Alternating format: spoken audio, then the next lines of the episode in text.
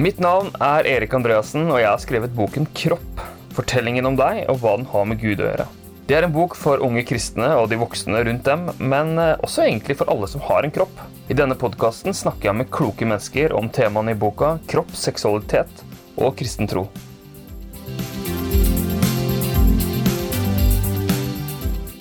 Dagens gjest er eh, Ingeborg Ørjasæter fra Stord. Bor på Stord, sykepleier med videreutdanning i sexologi og familieterapi. God dag, eh, Ingeborg. God dag, god dag. Så bra at du er med. Og fra et kontor i Stord, og jeg sitter her i Oslo, så skal vi ha en samtale. Takk for at du tar deg tida. Takk for at jeg får være med. Først litt om deg. da, altså, Du er eh, sykepleier i utgangspunktet. Er sikkert mer, flere ting enn det. Aktiv i kirka på Stord. Mm. Men fortell litt om deg for eh, ja, alle nye lyttere. Mm, jeg eh, er jo da ei dame, 35 år. Eh, gift og har tre små barn. Jeg bor nå på Stord, der jeg kommer fra. Eh, aktiv i Den norske kirke. Ja Jobber på et familievernkontor. Eh, I tillegg så driver jeg et eget foretak som heter Fikus. Som jeg har kalt Sunt og sant om kropp og seksualitet, der jeg har samtaler. Og eh, undervisning. Og har mm. jobba eh, inn mot eh, Kirke-Norge i flere år, spesielt med tanke på å forebygge seksuelle overgrep og snakke om seksualitet. Du, hvis liksom, du er sykepleier i bånn, som det kalles. altså Eh, det har med kropp å gjøre. Altså, hvorfor, eh, hvorfor, gikk du den veien? Hvorfor ble du sykepleier? Eh, ja, hvorfor ble jeg sykepleier? Det var litt Det ble sånn. Jeg hadde mm. Lyst til å jobbe med mennesker. Jeg hadde lyst til å jobbe med kropp. Eh, og så studerte jeg på Haraldsplass til å bli sykepleier, og syntes det var veldig fint, spennende. Begynte å jobbe på Barneklinikken eh, og i Bergen, der jeg var med og tok imot barn som var seksuelt misbrukt eh, i et mottak Oi. en gang. Det var der jeg eh, kjente at dette temaet syns jeg er litt vanskelig og litt skummelt. Mm. Og vanskelig å ta imot. Så tenkte jeg at de barna som møter, eventuelt møter meg i den settingen, så må det ikke være sånn at jeg ikke klarer å romme deres historie, for det de har opplevd. Så derfor eh, hadde jeg ønske om å ta en videreutdanning i eh, sexologi for å lære litt mer om seksualiteten vår. Rett og slett for å kunne ta imot ord og uttrykk og eh, et ønske om å forstå og klare å ta imot historiene og fortellingene til mennesker. Så eh, det gjorde ah. jeg, og syntes det var veldig interessant. Eh, mm. Og da fikk jeg jo litt sånn språk for seksualiteten vår. Opplevde det som veldig meningsfullt å få sette ord på masse av det som som betyr noe for veldig mange mennesker. Da. Seksualitet er viktig for oss. Så eh, da har jeg hatt masse samtaler rundt seksualitet gjennom det. Men uh, wow. Men det å, det å, jobbe Det hadde jeg faktisk glemt i farta, Ingeborg. At, du, at, det var der du på en måte fikk uh, dette ønsket om å studere sexologi, da. Eller uh, seksualitet. Altså at det var med å møte barn som er utsatt for overgrep. Altså det er jo Hva gjør det med deg å jobbe et sånt sted? Altså selv om Jeg vet ikke om det var kort eller lenge, men det er ikke så viktig. Men den erfaringen, da, hva hvordan har det prega deg? Eh, det har jo absolutt prega meg på den måten at jeg, eh, jeg syns det var vanskelig å ta imot det sjøl. Og tenkt, og det var det jeg sa, sånn at det er vanskelig hvordan det lander i meg. At det må ikke være til hinder for de menneskene som trenger å få hjelp. At vi ikke klarer å ta imot ord og uttrykk og det de er utsatt for. det. Og så mm. etter hvert som eh, jeg lærte litt mer, så fikk jeg jo et sånn inderlig ønske og behov for å snakke om Eh, den positive seksualiteten eh, for å forebygge den negative. Da. Sånn at det gjorde jo noe med at det vekte en interesse for å snakke om det, det som er bra med seksualiteten. Så mm. Sånn sett så endte jeg opp med å velge et helt annet spor enn å snakke om overgrep, men å snakke om det som kan forebygge overgrep. Ja, for det er det som er det si, fascinerende, eller noe av det som er fascinerende med seksualiteten. Det er jo mange ting, men det at det er så mye samtidig. altså Det er jo både et en fantastisk gave, og verdens eh, kan jo gi noe av livets beste opplevelser, og samtidig kan det føre til forferdelige lidelser, da. Så det er den her eh, dobbeltheten. Eh, så liksom man kan ikke bare snakke enkelt eller om det, alt det fantastiske uten å snakke om alle skyggesidene. og heller ikke motsatt. altså Man kan ikke liksom bare ta tak i det som er vanskelig, men det er det å prøve å holde disse to tingene opp samtidig. Eller alle disse tingene opp samtidig. Hvorfor har du en, et engasjement for å fornye samtalen om seksualitet i kirken?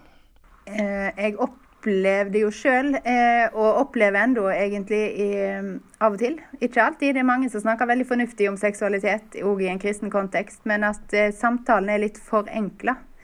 Noen plasser er den stille, altså det er ingen dialog rundt det. Eh, andre plasser så er den veldig sånn forenkla, eller snakka ut ifra ett perspektiv, da. Så jeg hadde jo et ønske om å være med og bidra i å bringe inn ulike perspektiv, eh, og spesielt fordi at eh, seksualiteten vår omhandler jo òg veldig mye både det biologiske, som jeg hadde lyst til å eh, problematisere, sånn kroppslig, så det stemmer ikke. Er, du har ikke noen andre følelser eller noen andre mekanismer selv om du er kristen. Så jeg fikk lyst til å problematisere det litt. Hva mener du problematisere altså fortelling, for, eller, Hvilke fortelling vil du ofte vil du problematisere, sa du? Fortellingen om eh, Hva det betyr. Altså hvis en skal snakke om lyst eh, å ta noen valg forhold til dette, spesielt det med å vente til ekteskap eller ikke, som er blitt en sånn eh, måte å undervise på, eller som har vært en veldig sånn tydelig måte å undervise om det på, så, så høres det ut som at det er en sånn knapp du skrur på når du har gifta deg, som jeg mm. eh, eh syns ble litt for enkelt. Fordi at vi mm. er jo født som seksuelle vesen. Eh, mm. Og seksualiteten vår ut utvikler seg jo spontant i, i, etter hvert som du blir eldre og modnes sånn biologisk, og det skjer mange ting i kroppen som mm. jeg eh, hadde lyst til å på en måte at, måtte få ei stemme inn da, til å si at det, eh, det er helt vanlig eh, å utvikle seg og være veldig opptatt av dette i tenårene. Og noen er veldig opptatt av det, andre er ikke så veldig opptatt av det. Eh, begge to er like normalt. Ja. Eh, og så, eh, ikke minst, så handler det jo Altså at seksualiteten vår omhandler det biologiske av én ting, eh, det psykiske og det kulturelle. Sant? Altså hva du er vokst opp med, din eh, Hva mennesker du har rundt deg, hva kultur du er vokst opp i. Hvordan mm. religion er formidla til deg. Alle disse tingene har jo noe å si for hvordan, hva tanker du har om seksualitet. Mm. Så opplever jo mange par og mange som eh, snakker ut ifra en sånn kristen kontekst at de skammer seg over kroppen sin. At de skammer seg når de kjenner på lyst og kåthet og glede. Eh, som jeg har lyst til å problematisere litt av. For jeg tenker at det er mm. absolutt ikke meninga. Det er lagt ned i oss med utgangspunkt i lyst og glede, og det må vi ta tak i.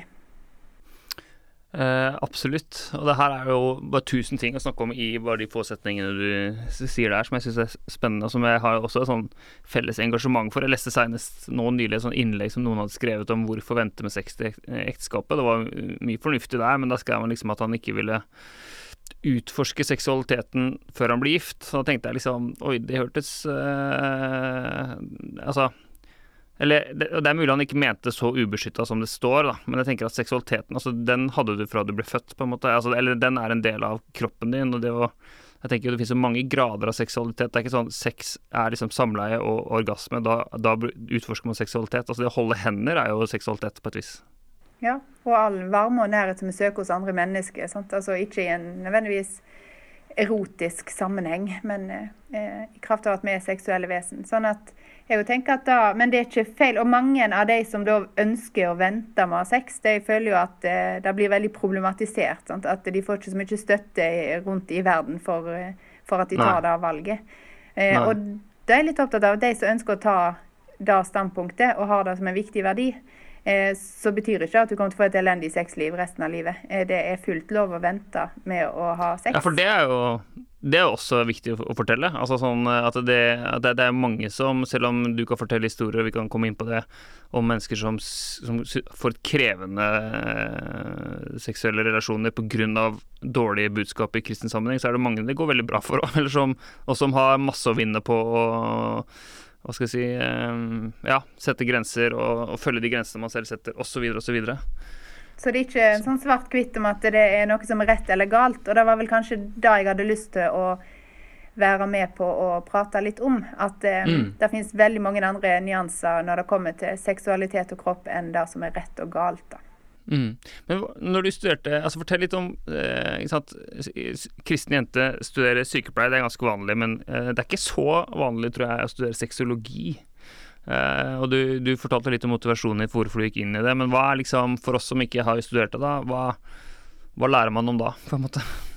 Uh, ja, du lærer jo om seksualitet uh, i sin på en måte helhet og bredde og fra ulike perspektiv, da, som av og til kan være litt både givende og lærerikt og utfordrende, da.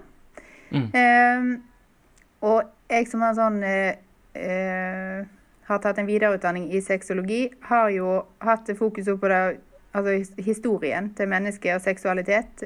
historien hva hvordan religion har prega historien rundt eh, seksualitet. Og noe av det var jo mm. vanskelig å, eh, å høre på. Hvor mye Og det er jo ikke noe akkurat bare knytta til seksualitet, men religion har ikke bare vært positivt. Eh, og det har vært mye makt. Mm. Mye dobbeltmoral. Mange eh, sider ved religion som ikke har vært bra. Eh, mm. Og så er det veldig mange ting som òg er veldig bra, da. Sånn at det, ja, det... er Ja. ja. Nei, det, det, er jo en uh helt opplagt faktor, tenker jeg. At uh, jeg har et kapittel om nå som heter uh, 'Kampen mot kroppen', hvor også Kirken tenker jeg har eh, dessverre bidratt gjennom mange århundrer da, med å liksom gjøre kropp til et problem. og disse kirkefedrene som noen hadde veldig kompliserte eh, historier i forhold til egen seksualitet, og som, eh, som, la noen premisser som kanskje ikke var veldig gode for eh, kirkens utvikling. Da. Mens budskapet, tenker jeg, sant, første Mosebok 1 og 2, altså vi er skapt med kropp og seksualitet, og det er godt. Altså det er liksom mitt utgangspunkt, men det er jo helt opplagt at uh, gjennom kirkehistorien og uh, ulike religionshistorier så er seksualitet uh, ja, eller det har vært mye dårlig formidling, og liksom, som du sier, et, i, brukt i et maktspill. Da. Det er noe som har gått opp for meg når jeg jobba med dette prosjektet, at liksom, hvorfor har Kirken satt, eh, historisk sett, og i og for seg også nå, ganske sånn tydelige grenser rundt eh, sex, eh, og eh, kobla det veldig til ekteskapet og sånn. Jeg har jo tenkt på en måte før jeg at det har vært liksom et slags moralistisk standpunkt, at Gud sier at det skal være sånn, derfor så må vi bare følge det. Mens, men jeg kan også se på det som et det handler om å beskytte de sårbare, da, som opp gjennom historien har vært barna. Altså vi, mange, av, mange, av, de frihetene vi da tenker er selvfølgelige, er jo resultatet av 50 års medisinsk utvikling. Altså, det ikke å, altså vi har prevensjon, vi har eh, alle mulige behandlinger mot kjønnssykdommer. og altså Masse av disse tingene gjør at vi i dag har helt annen helt andre muligheter da, for uh, frihet enn det vi har hatt. Så tidligere, kan man si, så har jo Kirken også på sitt beste, tenker jeg, kjempa en kamp for å beskytte de sårbare. Og så har det samtidig på det verste eh, vært brukt som et, et, middel for å kontrollere mennesker og kontrollere kvinner og ja, som makt, da, som du sier. Men eh, den beste versjonen av fortellingen er jo at kirken har hatt satt disse rammene, og kristen tro setter disse rammene av hensyn til den svakeste, som alltid er liksom i fokus i kristen etikk. da.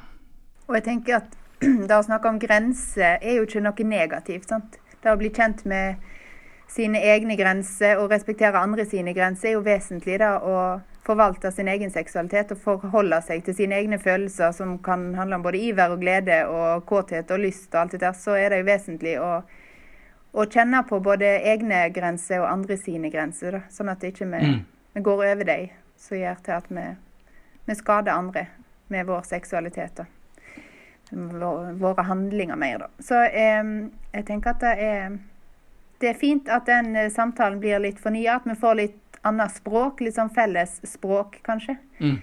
For å eh, snakke om seksualitet, og der gir boka di et veldig viktig bidrag inn i kirkeverden, og at teologer kan, kan få noen tanker om hvordan de skal prate om det. For det er jo egentlig ganske logisk at det er vanskelig å prate om for mange. sant? Det, mm. En vil ikke si noe feil, en vil ikke gjøre noe feil. Det er kanskje ord og uttrykk som en sjelden tar i munnen sin. Da. Nå er du en pastor som har øvd deg godt på, dine, på å snakke om disse tingene. Eh, så, så, det at andre også skal få lov å øve seg, det er lov å begynne en plass og sette ord på det. Både i sin egen relasjon, men òg hvordan en skal snakke om det. da.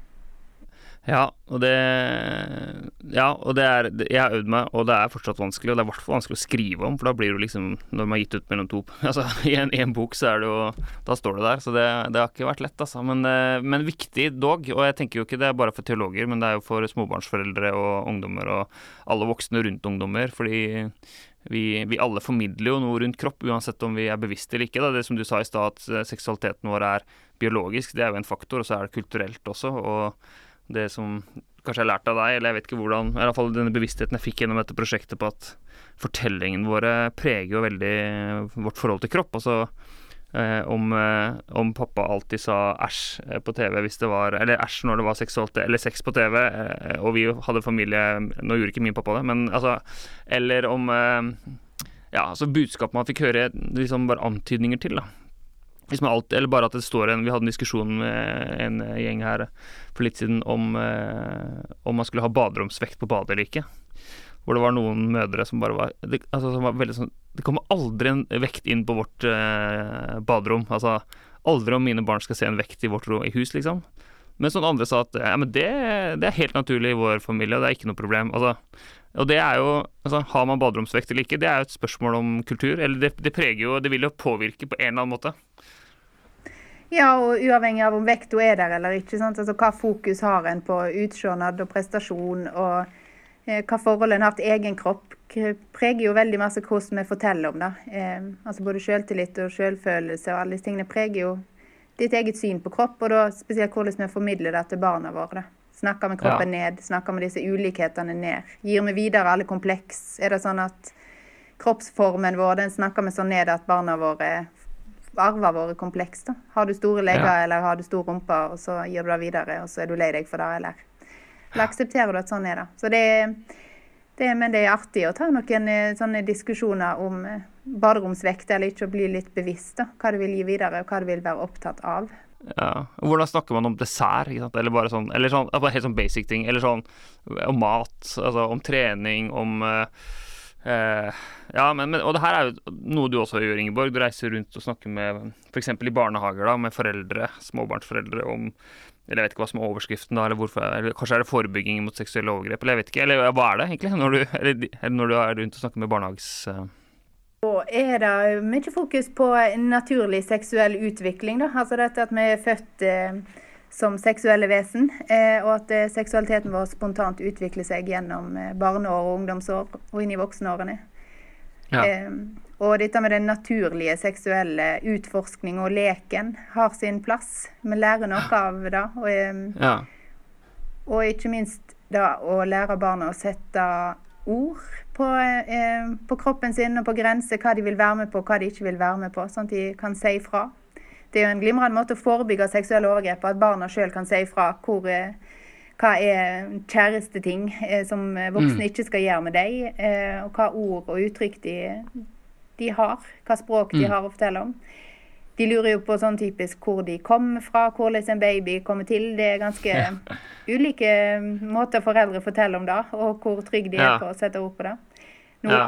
er nok det litt annerledes for de som blir foreldre i dag, enn de som bare var Du skal ikke så veldig mange år tilbake før, eh, før det var veldig lite snakk om dette. her. Da. Men det å ha fokus på den positive seksualiteten som barna skal få eh, vokse inn i.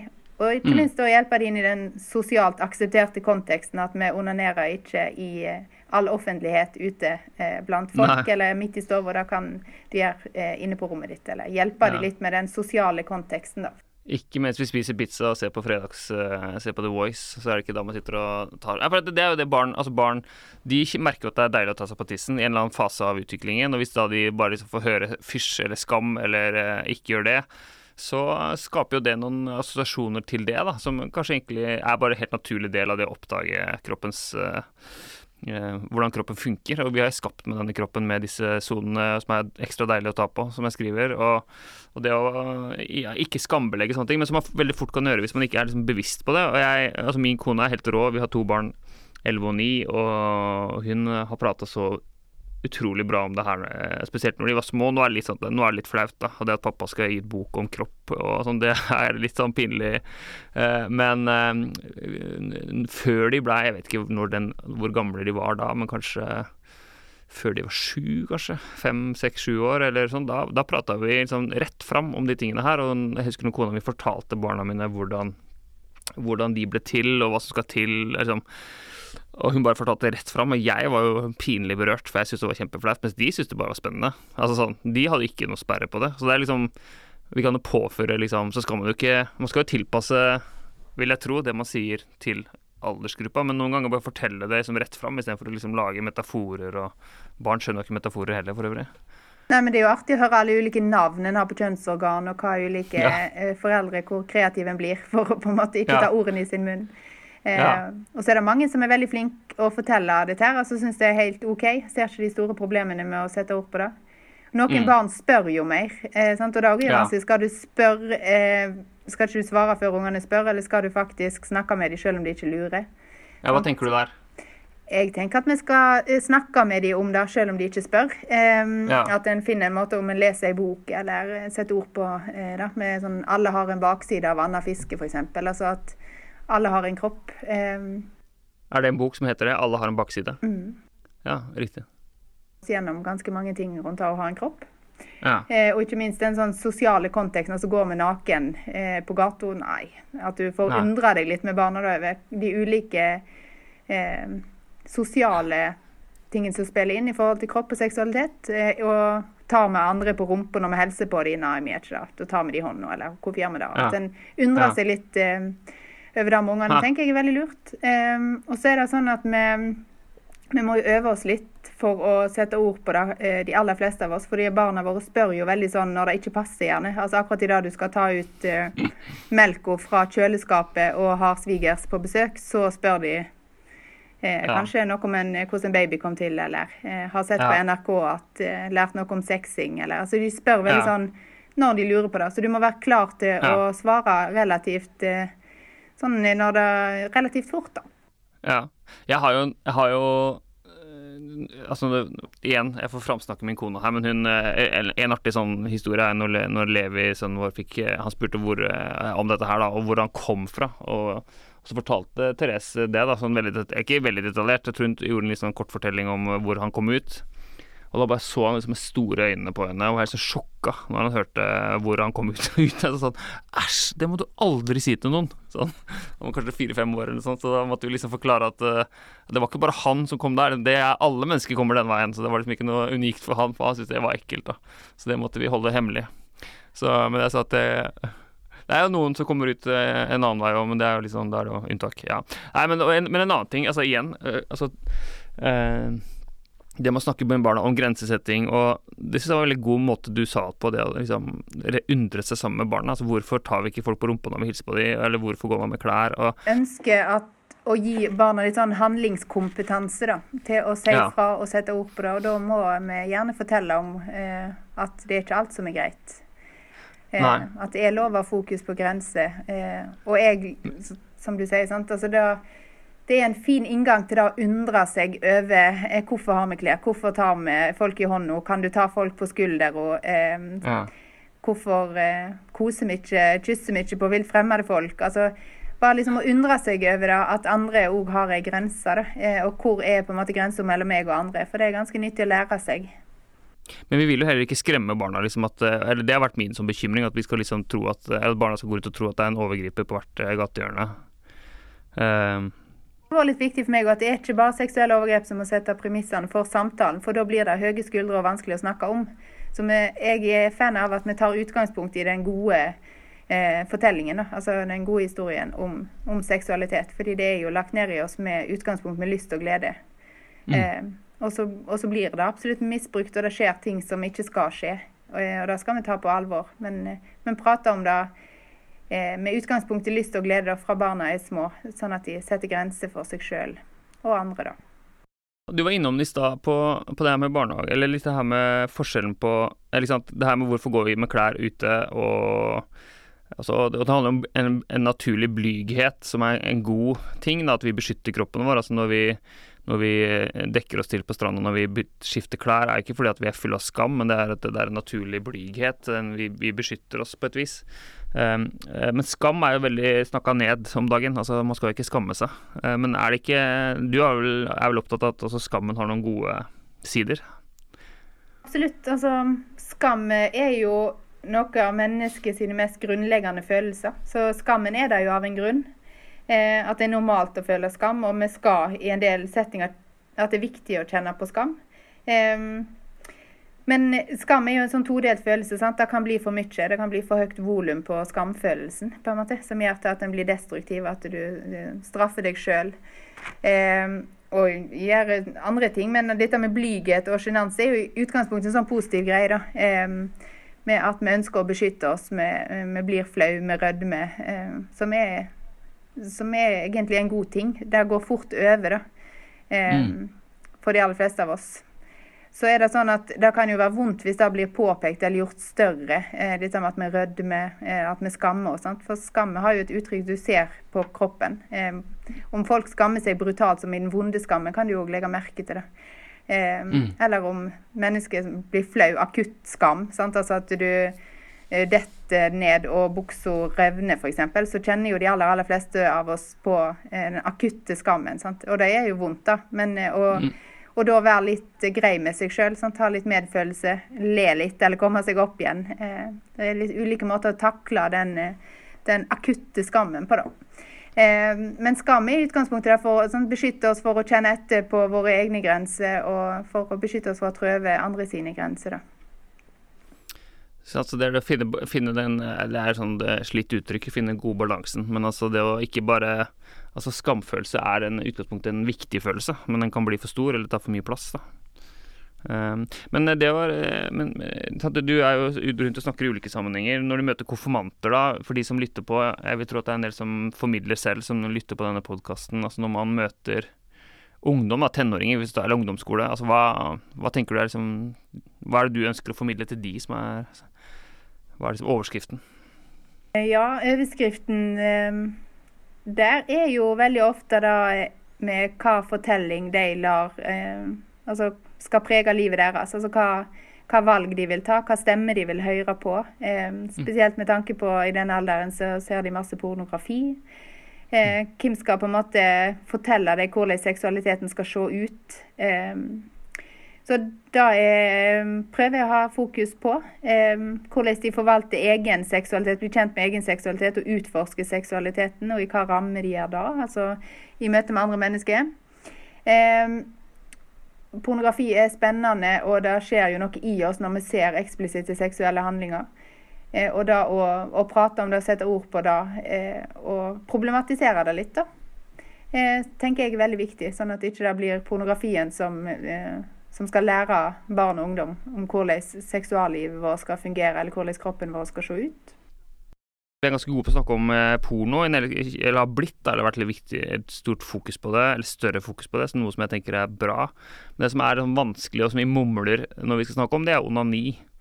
Um, som jeg syns eh, Vi skal ikke ha noen sånn lang onaniprat her nå, men, men, det er jo en viktig del av uh, altså tenåringers erfaring, utforskning, Eh, som også har vært sånn skambelagt i en kirkelig sammenheng. Jeg hørte senest uh, nylig på en podkast som heter Reisen, hvor uh, Thomas, som jeg ikke husker navnet på i farta, Erlandsen, jo, jeg forteller om uh, hvor utrolig Det er ikke så lenge siden, hvor han har vokst opp med sånn utrolig skam rundt det med å onanere, og han får en sånn panikkangst. opplevelse av at han tror at Jesus har kommet igjen. Han forteller om det selv på denne podkasten.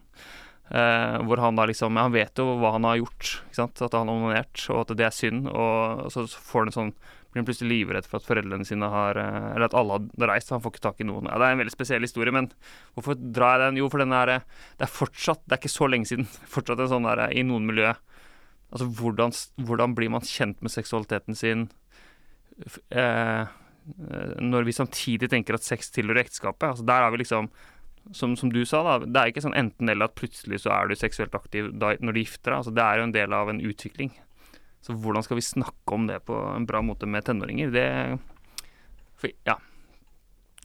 Altså, det å snakke om eh, at For noen, noen er veldig opptatt av dette. Sant? Noen kjenner på eh, at de har eh, At onani tar veldig stor del av tanken. Skulle jeg si, At det er det de bruker masse tid på, veldig opptatt av, mens andre er absolutt ikke det. At en er ganske forskjellig eh, som tenåring.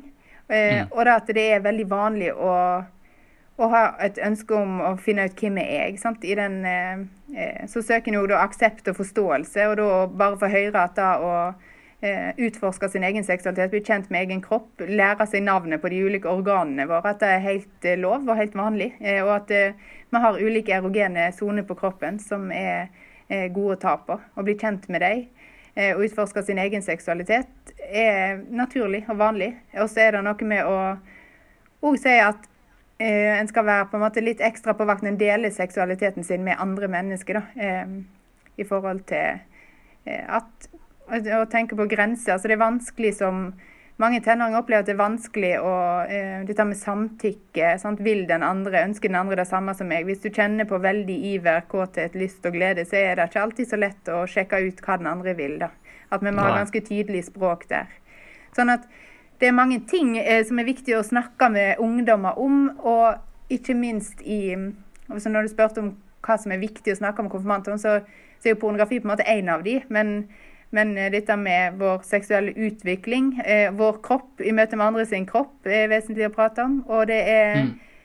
Jeg tenker vi kan snakke enda mer om hvordan knytte eh, verdier som vi ønsker å navigere ut etter, i forhold til hvordan du forvalter egen kropp. da. Ja, fordi for det tenkte jeg også på, at altså akkurat hvordan man skal onanere og hvor mye og de biologiske ting altså En del av det er liksom naturfagstimen, eller eh, det kan de allerede høre på skolen. Så vi, vi, må på en måte finne ut hva er det vi som kirke skal si. altså sånn hva er um, De trenger ikke å lære alt, vi, vi, trenger ikke å si alt, så hva er det unike budskapet vi har, da. Du er opptatt av mind the gap. altså det her, Sånn som jeg tolker deg, da, bare for å si det, jeg kan ta, ta det isteden, så er det jo forholdet mellom tro og liv, altså f.eks. For, for kristne. da, altså det ideale virkelighet er et annet ord for det. Verdi, det, sant. Det er jo lære, ja. eh, og det er jo et viktig mellomrom der for hvordan skal vi håndtere det, da. Hvis det vi leser i Bibelen, eller den måten vi ønsker å leve livet vårt på, og så skjer det ting, eller vi blir utsatt for ting. Eh, hvordan skal vi håndtere det? Sant? Da oppstår det veldig sånn eh, ja, todelte følelser i mange av oss. Eh, hvordan skal jeg håndtere det? Og det er jo vesentlig for hvordan vi håndterer de ubehagelige følelsene når liv og lære ikke henger sammen. Mm. Eh, så kan jo noen holde på en måte ja, men det er sånn det er, det er sånn det står, eh, veldig høyt. Og da, eh, da kan det være fint. Men eh, da å på en måte høre på fortellingene til menneskene om hvordan det preger de, eh, tenker jeg da å å respektere og støtte og forsøke å forstå ulike valg eh, og ulike måter å se livet på, tenker jeg at er, er veldig, veldig nyttig. Mm. Eh, sånn at eh, det er liv og lære må henge litt sammen òg. Eh, og ikke minst å håndtere ulike følelser som oppstår eh, når liv og lære ikke henger sammen. da sånn, Det har jo vært mange diskusjoner rundt dette med ulike bilder og metaforer brukt i kristen sammenheng. Sant? Om epleskråter eller eh, mm. pizzastykke du deler ut til mennesker. Til slutt er det ingenting igjen. Altså, Hva er din favorittmetafor? Eh, ikke nødvendigvis deg. nei, nei. Eh, og det er jo sånn, Jeg snakket med ei eldre dame for en stund siden som sa at når hun ble enka, så ble de bildene Det var først da de ble problematiske for henne. At eh, mannen hennes gikk i, i grava relativt ung med hennes seksualitet, på en måte. At nå var, hun, nå var hennes seksualitet begravd. Så hun følte det var ja. litt sånn eh, brutalt. da. Ja. Oi, det er heftig perspektiv, faktisk. Eh, sånn at det handler jo òg om eh, å forstå og eie sin egen seksualitet, og tenker jeg, da. Mm. Eh, men noen av disse bildene er jo på en måte godt meint, da, men så altså blir de oppfatta veldig feil. Og alle ting kan jo bli tatt ut av kontekst og blåst veldig opp. sånn at ja.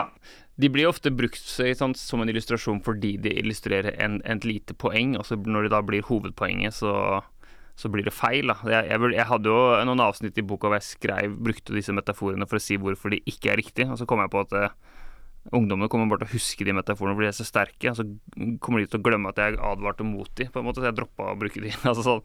Eh, men vi bruker metaforer for noen ganger for å sette ord på kompliserte ting, da. Men uh, det jeg syns har vært vanskelig, eller noe har vært min uh, ambisjon i dette prosjektet her, er jo hvis du spør en del ungdommer som er, eller, eller, mennesker på min alder som har vokst opp i kirkelig sammenheng, kanskje spesielt i lavkirkelige og konservative sammenhenger, hva var det viktigste du lærte om kropp eh, og seksualitet eh, i din oppvekst, så var det liksom ja, du må vente med sex til du gifter deg. Og så er det ikke altså det var liksom Hvis du spør Hvis jeg har spurt masse folk blankt hva var det viktigste, så var ja, det er så mange som nevner det, da. Og så er det sånn Det er jo viktig, eller det er jo en del av det, men, men hvis du da, sånn som du sier, liv og lære ikke henger sammen, så viser det at halvparten av de ja, De klarte faktisk ikke å vente med sex til de gifta seg, hvis det nesten var det eneste de hørte. Så var det sånn at de bomma på det, men hva, hva, så? Eller hva nå? Eller Så jeg tenker jo en kristen Viktigst er altså hva nå? Hva, hva gjør vi ja. med det? Hvordan skal jeg håndtere ja, ja. det? Jeg er da ikke verdig til å ha noen verv i kristen sammenheng fordi jeg ikke klarte det. Eh, sånn, altså, Hvordan skal vi prate om det, og hva, eh, hva har det å bety for enkeltmenneskene som lever med de historiene? Det tenker jeg er, er fint at eh, dere pastorer og prester eh, kan snakke litt om det. Noe man hører i eh, en del sammenhenger, eh, Ingeborg, og som jeg selv har sagt før jeg ble gift og skjønte hvor komplisert seksualitet kan være, tross alt, selv om det er fantastisk, er jo dette at ja, men du trenger ikke å tenke noe lære så mye om sex. og sånn, for du, Bare vent, eller hold det unna, og så når du gifter deg, så finner du ut av det. Men, men du er på en måte mitt sannhetsvitne på at det fins også kristne par som som hører sånn type forkynnelse. Det kommer til å ordne seg når du blir gift, trenger ikke å tenke på det. Det er pluss og minus, gutt og jente, det er altså trakt og tut. Um, og så kommer de til deg, og så får de det ikke til, rett og slett. Ja, eh, det er jo noen kristne par som eh, knytter veldig ubehagelige følelser til det å kjenne på lyst, eh, og, at seksualiteten skal være en eh, integrert del av dem. Fordi det vekker veldig masse skam, eh, tanker rundt synd, at de har en opplevelse av å være skitten. Når de går inn i måte det rommet som seksualiteten eh, kan betegnes som i et samliv. Da. At det er et rom begge to må velge å gå inn i. Eh, for å dele seksualiteten sin. Sånn at eh, jeg tenker at det er jo det er ikke feil at du skal bli kjent med hverandre og utforske seksualiteten sammen. Og du modnes jo i dette. De fleste par opplever jo at det tar litt tid eh, å bli kjent mm. med hverandre, og at dette her er eh, De fleste har litt annen type sex når de er unge som når de er 40 år, f.eks. Og det er helt mm. naturlig eh, at det utvikler seg og en blir bedre kjent. Men, men det at det er ikke gjort i Altså det er ikke det sier seg ikke sjøl eh, hvis ikke du har språk for det eller ikke har lært at dette her er helt feil. Bare ikke forhold deg til, til den delen av kroppen eller eh, mm. Så er det mange som knytter veldig sånn negative følelser til, eh, til, sex og til lyst. Og, eh, og da får de en veldig sånn eh, opplevelse av at dette er feil, da. Eh, hvis de får sånn motsatte følelser enn det de hadde tenkt de skulle ha eh, knytta til til sex, kåthet, lyst, glede. Om de i hele tatt kjenner på det. da. Så, så da tenker jeg er vesentlig at, eh, at, vi snakker om at det er lov å utforske det. altså Det er lov å eh, tenke at seksualiteten er en integrert del av oss, men at det er lov å ha grenser og snakke om verdier innenfor det. Men at det er ikke en knapp du skrur på på et eller annet Nei, tidspunkt. Nei, for det syns jeg er noe av det tristeste jeg får høre. Det er liksom når, når folk som vokser opp i kirken øh, og i våre miljøer måte blir frarøva masse av det positive tingen med seksualiteten, også i et ekteskap. Innenfor de rammene vi løfter opp, så, så, så, så blir de frarøva masse glede fordi de har blitt pålagt så mye skam da, og syn, altså synstanker rundt noe som egentlig er en gave.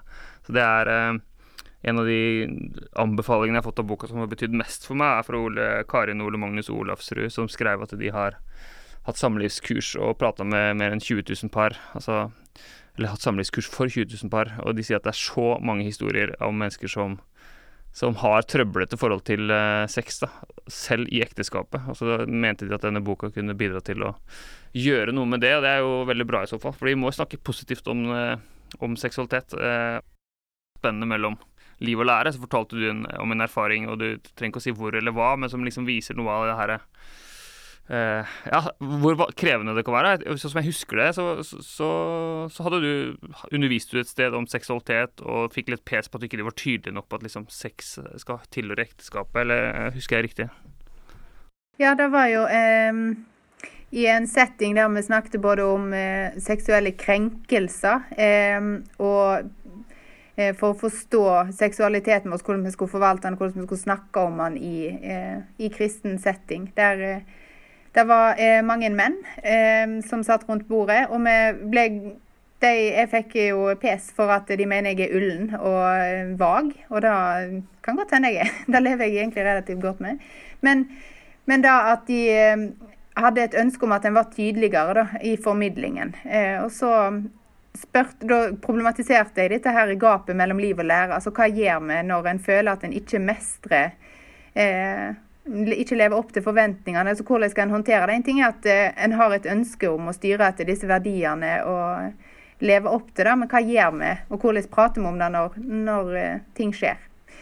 Eh, og da var de jo eh, veldig skråsikre på det. Og så blir jo jeg alltid litt sånn utfordrende når folk er veldig skråsikre. Syns alltid det er litt vanskelig når mennesker framstår veldig skråsikre. Så da mm. spurte jeg om de eh, kunne eh, si eh, Skrive på en anonym lapp ja eller nei om de sjøl venta med å ha sex til de hadde gifta seg. da. Um, og så, uh, når de gikk, så så jeg på disse lappene. Uh, og da var det jo én som hadde venta med å ha sex til han gifta seg.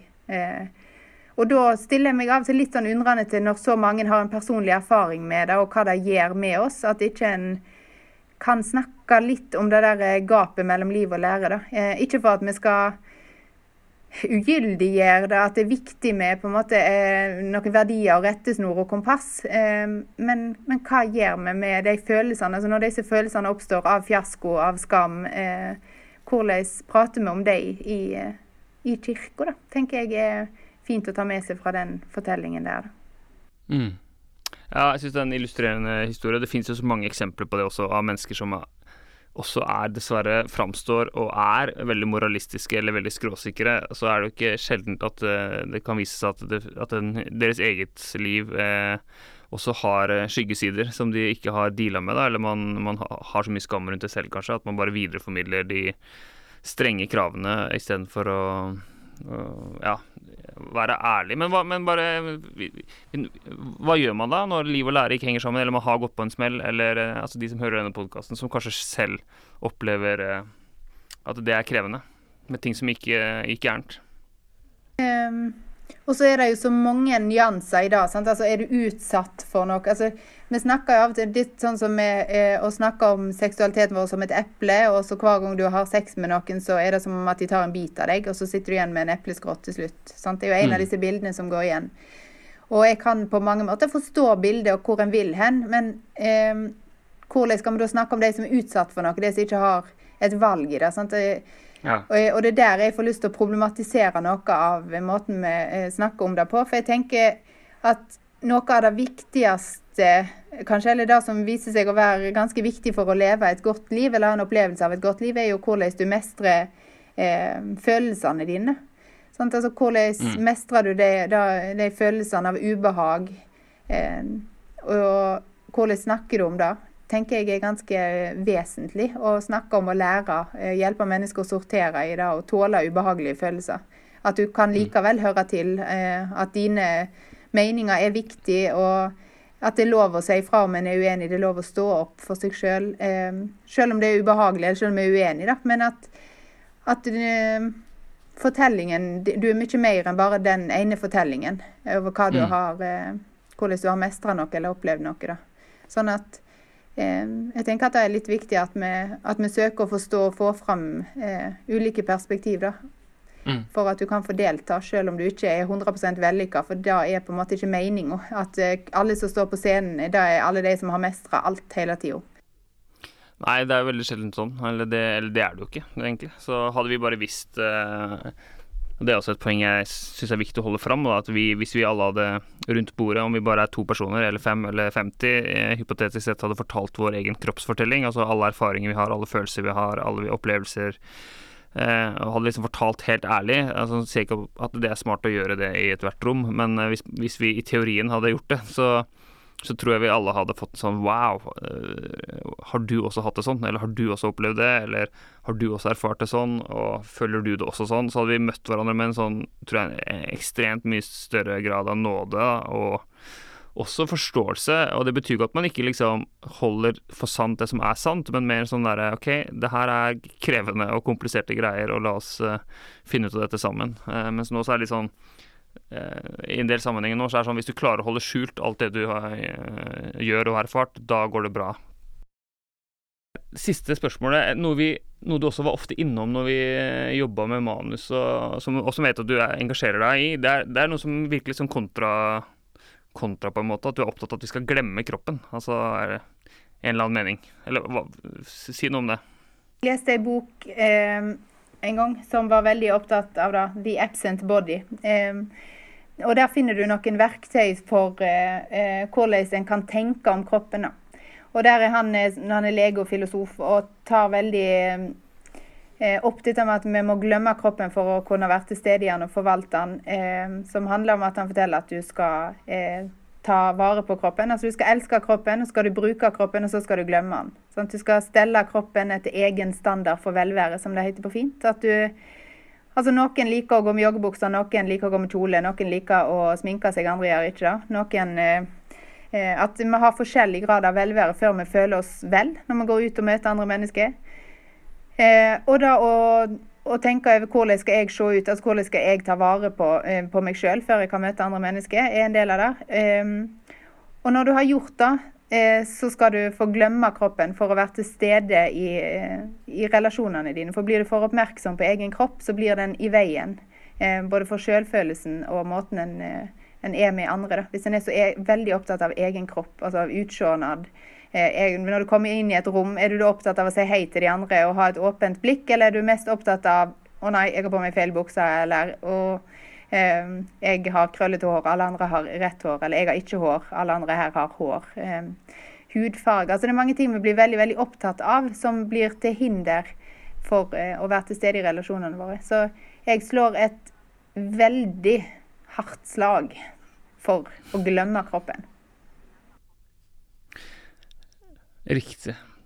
Eh, og eh, Det får bli mer om det en annen gang. Si, hvordan gjør vi det? Altså, Hvordan glemmer vi kroppen? For det, det, kan jo høres litt sånn brutalt ut. Glem kroppen din. Men det er jo, som du sier, man skal også elske den, og man skal ta vare på den etter eget, sa, eget uh, nivå av velvære. Eller eget nivå sant? Og hvis du får smerte altså, Kroppen kaller deg jo til aksjon. sant? Altså Av og til så får du så vondt i foten at du må gå til lege og sjekke ut kroppen. Men da å stole på at kroppen eh, sier ifra, så når du har tatt vare på den og stelt den, og det betyr at du må um, dusje og vaske deg og tenke på hygiene og trene og gjøre alle de tingene som er bra for kroppen, men så kan du få glemme det eh, for å være til stede i, mm. i relasjonene dine og ha glede av kroppen, rett og slett. Mm. Jeg tror jeg åpner boka kapittel én med å skrive noe om det her. og Det tror jeg faktisk jeg kom på noe til. Det tror jeg har fått fra deg. Så det, du har jo vært viktig for uh, denne boka, selv om vi, det var jeg som ga den ut, uh, Ingeborg. Uh, Tusen takk for at du ville ta tida til å være med på denne podkasten. Takk for alt du gjør. Og folk kan vel nå deg gjennom post.fikus.no f.eks., eller finne deg på, på nett. Så eh, får du lykke til med alt du står i, i på familievernkontoret og i formidlingssituasjoner og hva det måtte være. I like måte. Lykke til. Takk.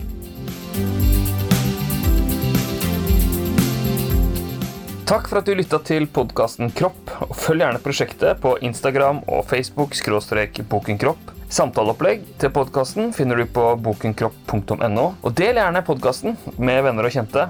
Produsent er Silvio Carvalho. Prosjektet er støtta av K-Stud. Og måtte du fortsette denne dagen med en visshet om at det er i ham vi lever, beveger oss og er til.